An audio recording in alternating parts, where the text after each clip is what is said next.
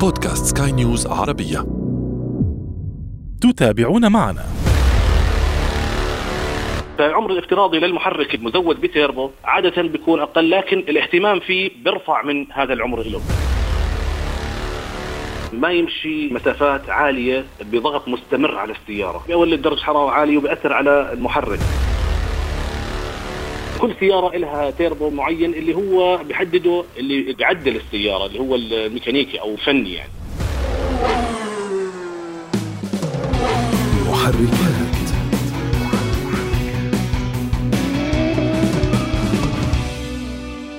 تحدثنا في حلقة سابقة عن مميزات الشاحن التوربيني وما له فمن العدل الآن أن نقول ما عليه فهو ليس بتلك البراءة ولا هو حل مثالي يخلو من العيوب. فكما أن صاحب التيربو محسود إلا أنه أحيانا يترك شكواه لله.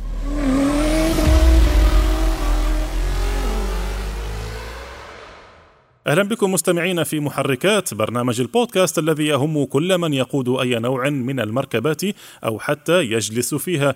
نحن هنا نهتم بتقوية ثقافة المركبات لديكم وفي كل حلقة نفتح أحد الملفات ولا نغلقه قبل أن نصل إلى نتيجة وتوصيات. أعده وأقدمه لكم أنا أشرف فارس عبر أثير سكاي نيوز عربية. محركات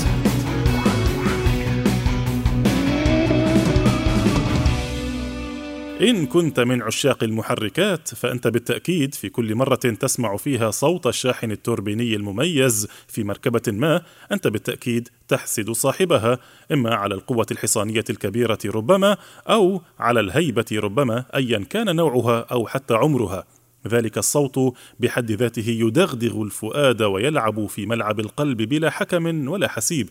وبلا شك يلغي الفوارق السنية عن أي مركبة قديمة كانت أم جديدة. وربما مع التعديل المناسب والإضافات الصحيحة والجمالية يكتمل مشهد تلك المركبة الرياضية الشبابية التي لا يشق لها غبار. تخلب الألباب بشكلها وتأسر الفؤاد بنغم شاحنها التوربيني. لكن مهلا أصاحب تلك المركبة سعيد حقا في حياته؟ هل وجد ضالته حقا في ذلك التيربو وحقق أمانيه وحصل على ما يريد؟ المركبة السريعة الجميلة الموفرة للبنزين أم أن الحلو ما يكملش كما يقول المثل المصري ويعيش صاحبها معاناته بصمت من منطلق المثل الشعبي القائل خليها في القلب تجرح ولا تطلع برا وتفضح. إذا ليس أفضل من يجيبنا عن هذه التساؤلات، ليس أفضل من مختص في تعديل المركبات، ولذلك نستضيف معنا عبر الهاتف من العاصمة الأردنية عمان السيد سائد النهار خبير صيانة وتعديل المركبات. أهلا بك سائد. أهلا يا مرحبا أهلا فيكم يا مرحبا أهلين اولا الله يعطيكم أنا... العافية الله يعافيك اولا أنا آسف على هذه المقدمة الهجومية لكن في الحلقة الماضية معك يعني أعطيناك كل الحق لتقول ما هو جيد عن التيربو لكن الآن يعني ربما يجب أن نتكلم بشيء من الموضوعية أو حتى يعني نأخذ الزاوية الأخرى من الحوار. دعنا نتحدث عن أبرز مشكلات التيربو التي تعرفها أنت من منطلق خبرتك وعملك. أول إشي لكل شيء فيه له محاسن وفيه له مساوئ. فيعني ما في إشي كامل بيكون في هذه الدنيا طبعا إلا آه الله عز وجل فقط. الكمال لله بالتأكيد. فنعم فأكيد يعني التيربو له محاسنه وله مساوئ أي شيء في الدنيا شو ما يكون في له محاسن وفي له مساوئ. فإحنا ذكرنا أول شيء محاسنه الحلقة السابقة. آه هاي المرة بدنا نحكي شوي عن عيوبه. عن عيوب التيربو يعني. هو مش شوي فإحنا- إحنا, أفردنا حلقة كاملة لذلك فاتمنى ما يكونش عندك شوي الموضوع. لا. نتكلم لا، ببعض الله. الموضوعية الله يخليك. نعم. إن شاء الله إن نعم. شاء الله. آه عيوب ال- من أحد أهم عيوب التيربو طبعا نحن نعرف إن التيربو هو آه شاحن توربيني هو بيضغط الهواء إلى المحرك بكمية كبيرة. مقابل هذا الهواء في بنزين وفي انفجار عالي يعني في تولد حرارة عالية جدا. أكثر من الحراره الطبيعية للمحركات العادية يعني فأحد أهم عيوبه آه اللي هي زيادة درجة حرارة المحرك بصورة كبيرة مم. كونه اعتماد التيربو على دوران المحرك على عدد لفات ال- الدوران يعني لفات دوران نعم. المحرك ال RPM نعم مم. فهو كل ما يرفع ال RPM بزيد خلينا نحكي تسارع التيربو وشحن التيربو بزيد فهون بزيد دوران المحرك بشكل كبير وشكل سريع مما يؤدي إلى رفع درجة حرارته وهذه اللفات العالية جدا كمان بتؤدي إلى زيادة الاحتكاك تقليل عمر المحرك على المدى البعيد طبعا. نعم. في كمان محرك مزود بالتيربو بيحتاج إلى ضخ كمية زيت عالية شوي أعلى من العادي عشان يساعد في تبريد هذا المحرك ويساعد على انتشار اللزوجه في أجزاء المحرك بشكل أكبر من المحرك العادي. يعني الآن آه طبعا إحنا إحنا بنحكي عن مثلا الزيت، الزيت طبعا لازم يكون للمحركات هاي حسب الشركة الموصية أو إذا كان آه تعديل من قبل آه أشخاص. يعني أو هذا لازم يكون نوعية زيت تكون نوعية ممتازة. يعني مش لا يستهين بنوعية الزيت أو نوعية حتى فلتر الزيت. تمام. طيب خلينا ماسكينها نقطة نقطة. احفظ حيثما نعم. وقفت وسأعود إليك. آه، نعم. النقطة الأولى التي ذكرتها ارتفاع حرارة المحرك. كيف نعم. تتغلبون على هذه النقطة؟ أنت تقوم بتعديل المركبات وتقوم بإضافة التربو إلى المحركات. كيف تقومون بالتغلب على مشكلة الحرارة؟ هسه مشكلة الحرارة أول شيء ممكن إضافة روديتر أكبر من الطبيعي أو من ال standard للسيارة. إضافة خلينا نحكي مراوح للتبريد. آه، في مراوح معدلة. يعني موجودة في الأسواق يعني صارت تكون موجودة يعني أكثر من هل, هل تركب المروحة بسهولة؟ الا ألا يفترض أن يكون لها مكان واسع وكبير؟ آه طبعا هي هاي خلينا نحكي إحنا عن السيارات اللي بنعدلها إحنا. هاي بتسوى لها قواعد بتسوى لها طريقة معينة إنها تركب على الروديتر مباشرة. لها طريقة معينة وطبعا من ناحية في لها شغل خطوط الكهرباء والشغلات هاي يعني هاي شغلة ثانية.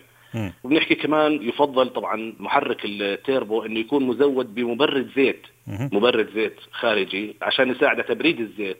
عشان تظل لزوجة الزيت عالية. مم. أي نعم. هذه نقطة مهمة. طيب آه هذه القطع التي تقومون بتركيبها المروحة المختصة ومبرد الزيت هذه يتم الحصول عليها من نفس المصدر الذي آه، يتم شراء التربو منه أم هي قطع متفرقة يتم استيرادها أم هي متواجدة في الأسواق المحلية في كل بلد؟ كيف تحصلون عليها؟ لا لا هي ممكن تكون لها شركات معينة. في شركات مثلا بتبيعك kit تيربو كامل من ضمنه مثلا مروحة أو في شركات لا في شركات متخصصة في مراوح. طيب جيد. تحدثت أنت أيضا منذ قليل عن الحرارة الز... عفوا بعد الحرارة الزائدة تحدثت عن تقليل العمر الافتراضي للمحرك. يعني يفترض بأن الشركات تضيف التيربو بشكل افتراضي إلى إلى محركات مركباتها المدنية. لكن آه، في أي حالات يعني يمكن أن يكون التيربو مؤذيا ويقلل من العمر الافتراضي للمحرك؟ إذا كان ذلك مركب تركيب على آه، مركبة غير مناسبة مثلا إذا كان آه، على محرك صغير يعني ما هي الارتباطات المرتبطة ما هي الارتباطات عفوا المتعلقة بتقليل عمر المحرك مع التيربو. العمر المحرك هو يعني يعني هو المحرك التيربو هو محرك يعني راح يكون سريع نوعا ما فبيكون عليه ضغط دائم. العمر الافتراضي له عادة بيكون أقل من المحرك الستاندرد أو العادي اللي مش مزود بتيربو وطبعا كله هذا بيرجع على حسب استخدام الشخص السائق اللي هو سائق المركبة وحسب عنايته فيها. يعني أنت مثلا عندك الزيت إنك يعني تهتم بغيار الزيت أول بأول. آه، مش شرط إنه نوصل الحد الأقصى باستخدام الزيت. مثلا التبريد مهم جدا. لازم يظل المحرك بدرجة حرارة طبيعية. ما يظلها درجة حرارته مرتفعة لأنه بتأثر عليه سلبي طبعا. بالإضافة إنه مثلا يعني حس... بحكي لك أنا قبل شوي إنه السائق له دور اللي هي طريقة القيادة. خلينا نحكي لو حتى بظروف مناخية. يعني مثلا نعم. في مناطق حارة إذا بدك تستخدم السيارة بطريقة يعني خلينا نحكي دائما والله بدعس بدعس بدعس يعني بالمناطق الحارة طبعا راح تكون تأثيره أسرع من المناطق المعتدلة أو الباردة.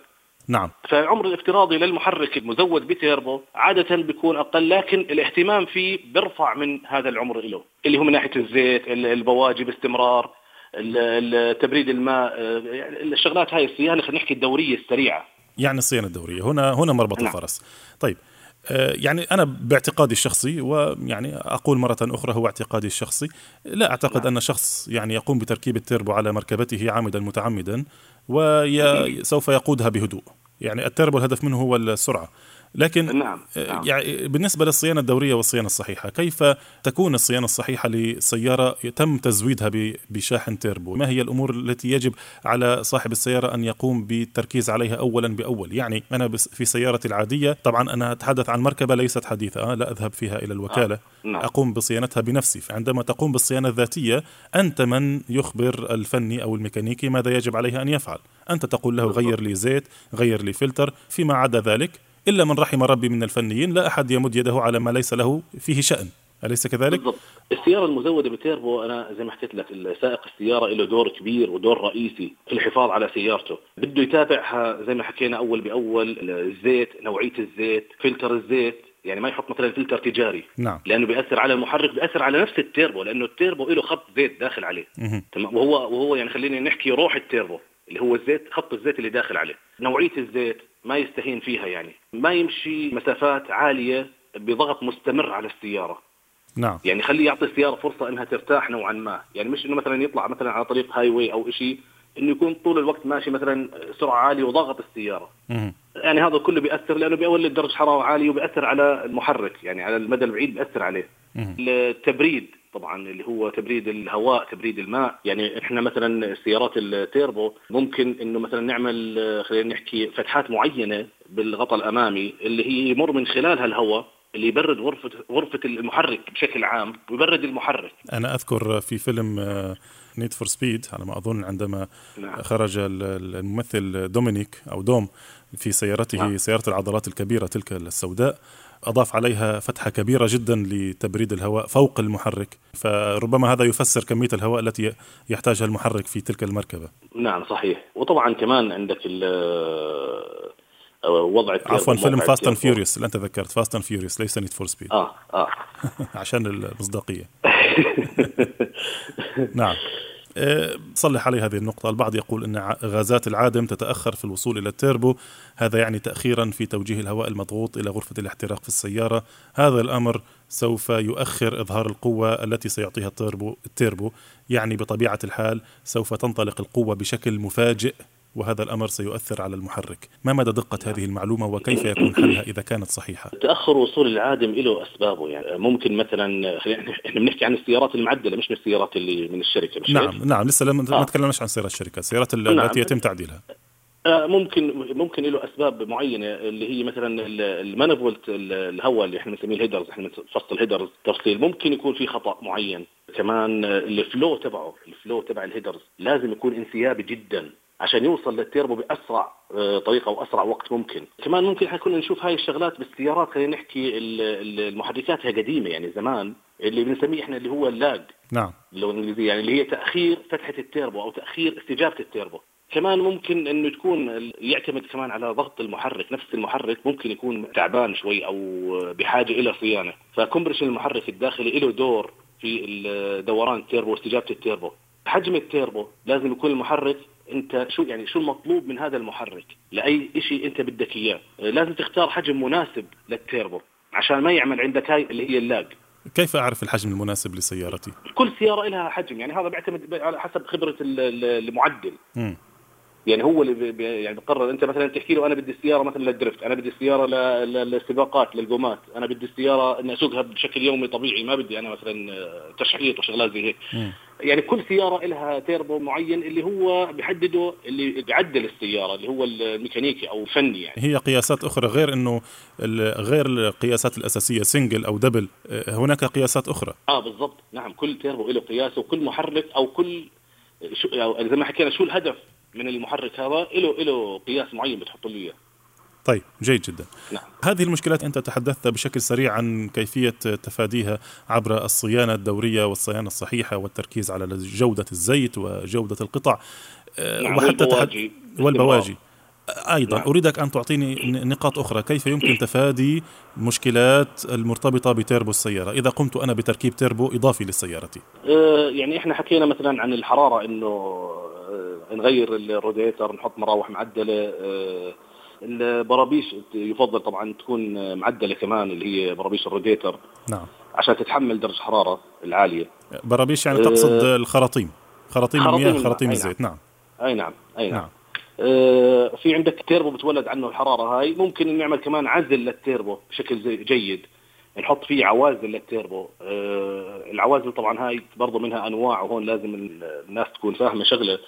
إنه ما نستهين فيها لأنه في أنواع سيئة جدا تتحمل درجة حرارة خلينا نحكي منخفضة شوي التيربو بوصل لها وبتعداها يعني العازل هذا ممكن إنه ينحرق أو يولع يشتعل. فهذا يؤدي إلى حرق السيارة أو اشتعالها أو يعني بيؤدي إلى مشكلة مش لا تحمد عقباها لا يحمد. عقبها طيب أنا أفهم من كلامك أنه وجود السيارة في بلد بارد آه، سوف يكون مناسبا لسيارة مزودة بالتيربو وجود السيارة فيه بلد بارد شديد البرودة يعني آه. لو أنا أعيش في أوروبا أعيش في أمريكا في كندا في مناطق نعم. مثلجة وباردة خاصة نعم. في فصل الشتاء هل هذا نعم.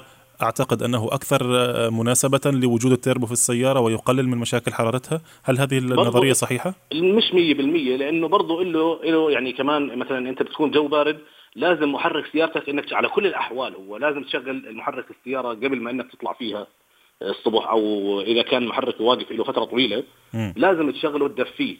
فالمناطق هذيك لا بيكون لها اساليب تدفئة أك- غير عن ال- المعتادة فممكن يكون في آه، زي مثلا في ألمانيا أو المناطق الباردة كثير آه، المحرك نفسه داخلي فيه له زي ما تحكي آه، زي هيتر أو مسخن له اللي بيسخن الزيت قبل ما إنك تشغل المحرك لأنه بيكون الزيت يعني بارد جدا فحركته بتكون داخل الموتور في بداية تشغيله صعبة جدا بتكون في في المناطق الباردة كثير نعم فلازم يتم تسخينه قليلا عشان إنه يمشي أو يتحرك بشكل أسرع في حال تشغيل المحرك عشان ما يتاثر المحرك. جيد طيب أخ سائد أنا قاطعتك في منتصف الحلقة كنا نتحدث عن عيوب التيربو وكان لديك نعم. المزيد لتقولها أخبرني ما هي النقاط الأخرى التي يمكن أن نتحدث فيها عن عيوب التيربو بمختلف أنواعه نعم إحنا حكينا بداية عن الحراره الزايده للمحرك وحكينا عن إنه بده كمية زيت أكبر. أه بنحكي كمان إنه نفس التيربو اجزائه الداخلية العمود اللي بربط بين الفراشه الأمامية والفراشه الخلفية اللي هي ال compressor wheel بسموها وال turbine wheel. في عمود داخلي shaft بنسميه باللغة العامية إحنا ال shaft تبعه وله هذا العمود بيركب على بوكسات بيتم عملية تزييتها بخط زيت اللي هو داخل على التيربو. هذا ال shaft ممكن إنه كمان أحد عيوبه إنه بالاست... بالاستخدام التيربو والحرارة العالية ممكن يؤدي إلى التلف. لهذه البوكسات الداخلية أو لهذا ال shaft مما آه، يحدث إلى تسريب زيت إلى داخل العادم مم. تبع السيارة بيؤدي كمان إلى خروج آه، دخان عادم آه، دخان أبيض أو أزرق بكثافة مم. بكمية كبيرة هاي يعني من أحد كمان عيوب التيربو انه ممكن مثلا إنه باللغة العامية خلينا نحكي إنه يضرب أو يخرب فجأة زي هيك. آه، طبعا هو بعطي مؤشرات خفيفة قبليها ممكن ما يكون سائق السياره منتبه لها إنه تعطي دخان أزرق خفيف ما يكون منتبه لها. ما- هي ما هي المؤشرات التي تسبق آه، أعطال التيربو ممكن إنه عزم السيارة يخف. يلاحظ إنه عزم السيارة خف. آه، ممكن يلاحظ إنه في آه، حوالين التيربو نفسه في تسريب زيت أو في ريحة في ريحة زيت يعني زيت محروق. هاي الريحة طبعا هاي الريحة ليس من المكيف إنما لا- لابد أن أفتح غطاء المحرك أليس كذلك؟ بالضبط. آه بالضبط. لا ممكن تشمها داخل السيارة ممكن تشمها مم. إذا كانت زايدة شوية. نعم. آه، كمان من أكبر المؤشرات اللي هي الدخن اللي تخرج من العادم بيكون دخان واضح. ممكن يكون آه، بداية إنه لما تيجي توقف السيارة مثلا في أزمة أو شيء تلاقي السيارة صارت تدخن فجأة خفيف. بعدين لما تمشي بتروح تدخن شوي. مم. هاي بتكون بداية ال ال- ال- بداية العطل المشكلة داخل التيربو نعم طيب سؤال هذا التربو لو عطل لو عطل بالكامل نعم. هل تستمر نعم. السيارة في المشي أم تتوقف؟ لا تستمر بالمشي لكن السيارة بتضعف كثير مش شوي مم. تمام يعني تكون آه. تكون أضعف من وضعها الطبيعي نعم ممكن التيربو مثلا يتوقف أو يضرب أو ممكن مثلا تدخل عليه شيء خلينا نحكي حاد أو هذا دخل على التيربو بضرب فراشه ممكن التيربو ما يدخن بدون ما يدخن السيارة فجأة تلاقيها ضعفت بكون التيربو وقف نعم نعم. آه لما يوقف محرك التيربو ما هو اجمالا. محركات التيربو بتكون ال- الضغط تبعها آه، منخفض أقل من المحركات العادية عشان اطاله عمر المحرك. يعني ال compression تبع المحرك التيربو بيكون اجمالا منخفض عن المحرك العادي عشان يطول عمره ويحافظ عليه أكثر. طيب جيد. استكمل. ماذا كان لديك أيضا من من نقاط؟ في كمان العيوب. يعني هاي آه، خلينا نحكي بتأثر على نفسية السائق اللي هي ارتفاع تكاليف الصيانة. بالتأكيد. لكن يعني أي نعم. كم- كما يقول المثل يعني من يبتغي العسل لا يشتكي من قرص النحل. بالضبط. اللي بده اللي بده التيربو يعني يدفع يحضر نفسه. بالضبط بالضبط. يعني مثلا آه، آه، زيوت تكون نوعية محترمة البواجي تكون مناسبة للمحرك. ممكن تكون بواجي مثلا نشتريها بمبلغ السيارة العادية مبلغ معين هذا ممكن مثلا ضعفين أو ثلاث أضعاف ثمنها. محرك التيربو. المحرك من الداخل أجزاء المحرك الداخلية لا سمح الله مثلا المحرك تعطل أو داخل المحرك يعني خرب أو صار بده صيانة. مثلا بدك تشتري مثلا بساتين أو ذراع أو إلى آخره أو gasket أو آه، هاي القطع طبعا هي تكاليفها أعلى من المحرك العادي ممكن مرات توصل أضعاف. طبعا كمان في عندك ممكن نأخذ التيربو يعني بولد حرارة عالية جدا هو يعني هو على على منظومه النار. فحرارته هو عالية جدا ومنتج من حواليه حرارة عالية. فهاي الحرارة ممكن تكون أحد ال- الشغلات اللي ممكن تأثر على السيارة من الداخل أو على أجزاء معينة من السيارة. لذلك هاي طبعا ممكن نتفاداها اللي بنحط اللي هي العوازل نعم. اللي حكينا عنها قبل شوي إنه لازم نختار عازل يكون نوعية جيدة أو نوعية أصلية. آه، اللي تتحمل درجة حرارة عالية جدا عشان يتم عزل الحرارة هاي ما تطلع إلى الخارج وتأثر علينا. طيب أنا عندي عندي سؤال فيما يتعلق في هذه النقاط. نعم، أنا الآن عندما نعم. أشتري قطعة أنا أعلم أن هناك بعض القطع الاستهلاكية لكن هناك بعض القطع ليست استهلاكية يعني عمرها طويل يفترض تعيش خمسة إلى عشر سنوات ولا أقوم بتغييرها. آه، نعم. هذا في الوضع الطبيعي في السيارة الطبيعية عندما أقوم بتركيب نفس القطعة ولكن بمواصفات أعلى وبثمن أعلى لكي تناسب آه، شاحن التيربو. هل سوف تعيش معي على الأقل بنفس العمر الافتراضي التي سيعيشها ال- القطعة الأصلية العادية أم سيكون عمرها الافتراضي أقل؟ أنت قلت لي طبعا يعتمد حسب رجل السائق وحسب قيادة السائق يعني أنت لا تتوقع من سائق سيارة عليها مركب عليها تيربو تركيب أن يقودها بهدوء. فماذا نعم. تتوقع من القطع أن تعيش معه خمس سنوات وعشر سنوات أنت تقوم ببناء محرك بالمناسبة من الصفر يعني أو ليس من الصفر نعم. لكن تقوم ببناء محرك شبه كامل هاي القطعة أنا بحكي لك عنها إنه هاي القطعة مهيئة إنها تتحمل ضغط عالي ومهيئة إنها يكون عمرها الافتراضي أعلى من الستاندرد بكثير. تمام؟ لكن أنا إذا مثلا آه، إذا كان في عيب معين بالسياره أنا بدي أحكي في في الظروف الطبيعية أو في الظروف القياسية خلينا نحكي إنه تكون آه، كل شيء تمام من كل النواحي من السائق من السيارة من كل النواحي والصيانة وكل شيء لا المفروض إنه هاي القطع إنها يعني تقعد عمر منيح. جيد جيد أي نعم. كمان أحد العيوب اللي بالتيربو مثلا ممكن إنه تلاقي في ضعف مفاجئ بأداء السيارة ممكن يكون من نفس التيربو إنه إنه تعطل وممكن يكون من منظومة ال- التبريد تبع التيربو اللي هي المواسير وال intercooler نعم. ممكن يكون في ثقب بال intercooler ممكن يكون في تسريب هواء من آه، الوصلات في وصلات آه، بتنحط بين المواسير. مم. آه، ممكن يكون فإنه الواحد لازم ينتبه للشغلات هاي على أساس إنه ما يحس إنه السيارة ضعفت ومش عارف من إيش. تمام. فلازم يعني من ضمن الصيانة الدورية إنه يتفقد هاي الشغلات كلياتها. طيب.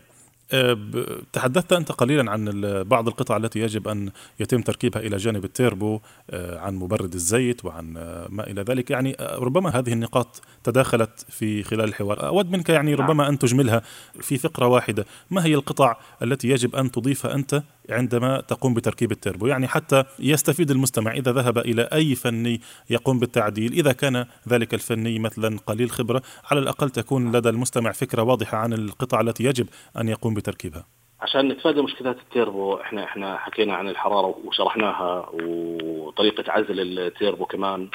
في عندنا كمان ممكن اللي هو وضع التيربو أو مكان التيربو داخل ال- السيارة عند المحرك في غرفة المحرك مم. آه، ما يكون قريب من المناطق اللي فيها أشياء تتأثر بالحرارة البلاستيكية وما يكون قريب من نفس المحرك عشان ما يرفع درجة حرارته نعم ولازم يتم عزله بشكل جيد وعزل غرفة المحرك بشكل جيد عشان كمان ما يت... الحرارة هاي ما تطلع على السائق جوا مقصورة القيادة خلينا نحكي مهم. كمان طبعا آه، عشان نحافظ كمان إنه على شغلة التبريد آه، وضع intercooler مناسب اللي هو مبرد الهواء. مبرد هواء يكون مناسب بموقع مناسب. يعني مثلا ما أجي أنا أحط مبرد هواء أحاول قد ما أقدر إني ما أحطه داخل غرفة المحرك لأنها نوعا ما درجه حرارتها مرتفعة قليلا. مم. إحنا بنحط ال intercooler في مقدمة السيارة عشان الهواء يضرب ال intercooler ويبرده ويعطيه درجة حرارة آه، يعني منخفضة اللي هي برودة.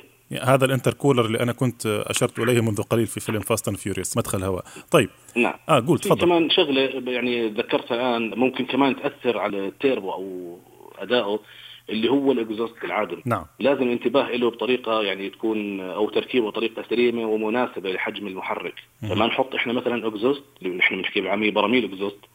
تكون يعني خلينا نحكي standard أو عادية لأنها بتأثر على أداء التيربو وأداء المحرك يعني بتعطي نتائج سلبية ممكن ترفع درجة حرارة المحرك نفسه لأنه إحنا العادة اللي نتيجة الانفجار داخل المحرك. نعم. فهذا لازم إنه يطلع بطريقة سلسة من السيارة. فإذا تم حشره بصير في درجة حرارة عالية بترجع على المحرك نفسه ترفع درجة حرارته وبتقلل من أدائه. أيضا يمكن أن يؤدي لانفجار العادم. نعم بالضبط. يعني إحنا يفضل طبعا بهاي الحالات ب- إحنا بنستخدم آه، عادم آه، بيكون معدل مش ستاندرد يعني مش عادي. عشان يتحمل كمية الضغط العالية. وكمية الحرارة العالية طب أنا عندي سؤال معلش بما أنه فتحنا. موضوع العادم ولو أنه مش موضوع الحلقة لكن هو سؤال خطر في بالي نرى نعم. الكثير من الناس من أصحاب المركبات المعدلة في الأفلام وأحيانا في بعض المدن آه، يقوم بدوس البنزين بقوة فيخرج لهب من العادم هل هذا مرتبط نعم. بالتيربو أو ما سبب هذا اللهب؟ هذا اللهب يعني أثناء عيار السيارة بنطلب من اللي بعايرها إنه بدنا مثلا يعمل لنا الحركة هاي. هاي بتتدخل في آه، كمية البنزين. نعم. إنه في لحظة معينة مثلا بكون في آه، زيادة في البنزين وبتدخل بالشعلة أو بال timing تبع الماتور. فبتصير زي ما تحكي آه، كبب بنزين زيادة في لحظة معينة. مم. ويعطيه نوعا ما خلينا نحكي شعلة بيطلع هذا اللهب بيطلع من الانفجار بيطلع على شكل لهب من ال exhaust. جيد. أي نعم. أعتقد هذا هذا ليس صحيا ابدا للمحرك. نعم نعم. اللي هو مش launch control ال anti-lag. ال anti-lag اللي هو ممكن يعطي هاي الحركة لكن هو بيأثر سلبا على المحرك وعلى التيربو نفسه كمان. نعم جيد. طيب نعم. الآن فيما تبقى لدينا من وقت بشكل سريع. المركبات التي تأتي من الوكالات من الشركات مزودة بشواحن تيربو. هذه المحركات هذه المركبات هل هي كما يقال ليست طويلة العمر أم آه، يمكن أن تكون طويلة العمر بظروف معينة وفي حالات معينة؟ لا هي المحركات المزودة بالتيربو من الشركة هي مصمم من الشركة يعني الشركة عملت دراسات وعملت تجارب وعملت دراسات مستفيضة على الموضوع. آه، فهذا المحرك ما بيطلع آه، عبث أو بيطلع بصورة يعني غير مدروسة. هو مدروس من الشركة والشركة لما تيجي تصنعه تعمل عليه إنه تجارب إنه يتحمل أكبر قدر ممكن من الضغوطات ضمن أكبر خلينا نحكي أكبر حد لتوفير البنزين. يعني كمان أنت مثلا أي محرك تيربو من الشركة آه، بتقدر أنت إنك تعدل عليه هو نفس المحرك بدون ما تفتحه من الداخل أو تلعب باجزائه بتقدر تعدل عليه لحد معين. فهي الشركة آه، خلينا نحكي بتعطي أكبر حد سيفتي للمحرك. وضمن ظروف معينة. هون برجع كمان برضه بنرجع بنحكي إنه السائق أو مالك السيارة له دور كبير في المحافظة على هذا المحرك في إطالة عمره أو تقصير عمره. يعني بطريقه القيادة آه، متابعته بالصيانة وإحنا كثير بنركز وبنحكي كثير إنه الصيانة الصيانة الصيانة أهم شيء ليش؟ لأنه أنت مثلا خلينا نحكي مثلا عندك بواجي سعرهم مبلغ خلينا نحكي معين. يعني آه، شو ما بده يكون ثمنه بده يكون أقل من إنك تكسر الماتور أو تدمر الماتور.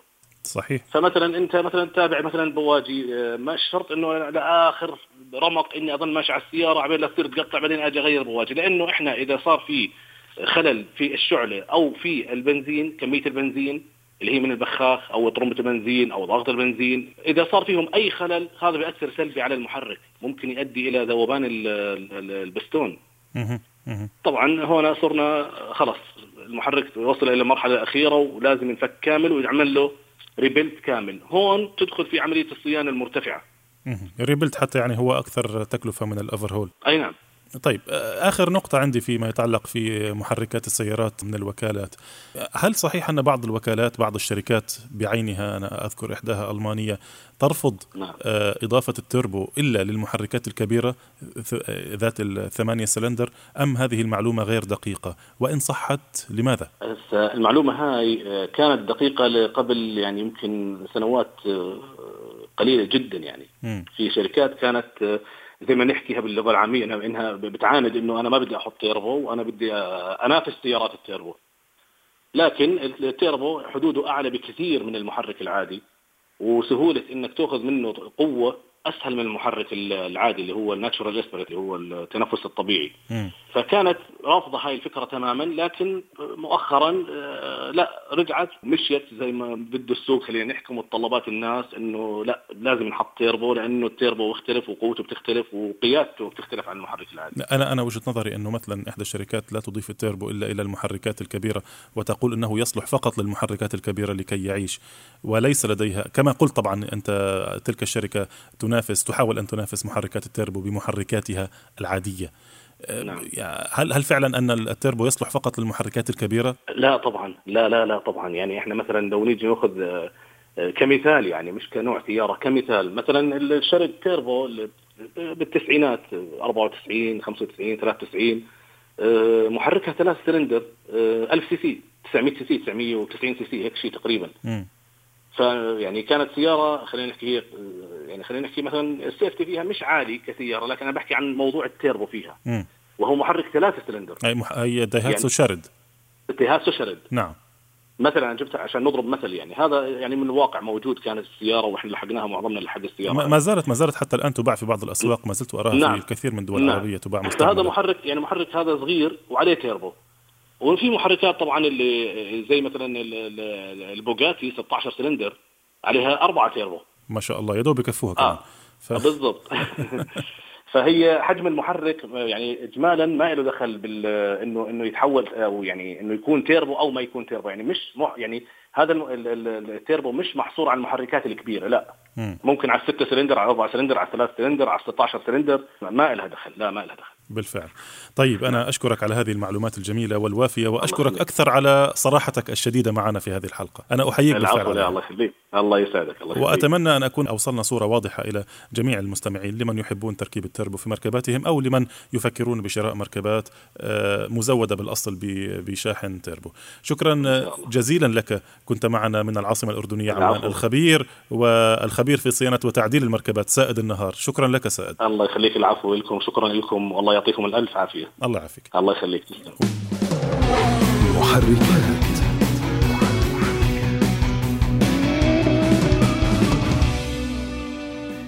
وأنتم مستمعينا الكرام إذا حاز هذا البودكاست على استحسانكم يرجى منكم إعطائه التقييم المناسب. وإذا كانت لديكم أي تعليقات أو تحسينات دائما يسعدنا أن نستقبل رسائلكم وكذلك تعليقاتكم أسفل هذا البودكاست. تابعونا دائما وأبدا عبر جميع منصات سكاي نيوز عربية. في الإخراج الفني كان معي إيدي طبيب. في الإعداد والتقديم كنت معكم محدثكم. أنا أشرف فارس. مرة أخرى نشكركم على حسن المتابعة. دمتم دائما وأبدا. في أمان الله. مع السلامة. محركات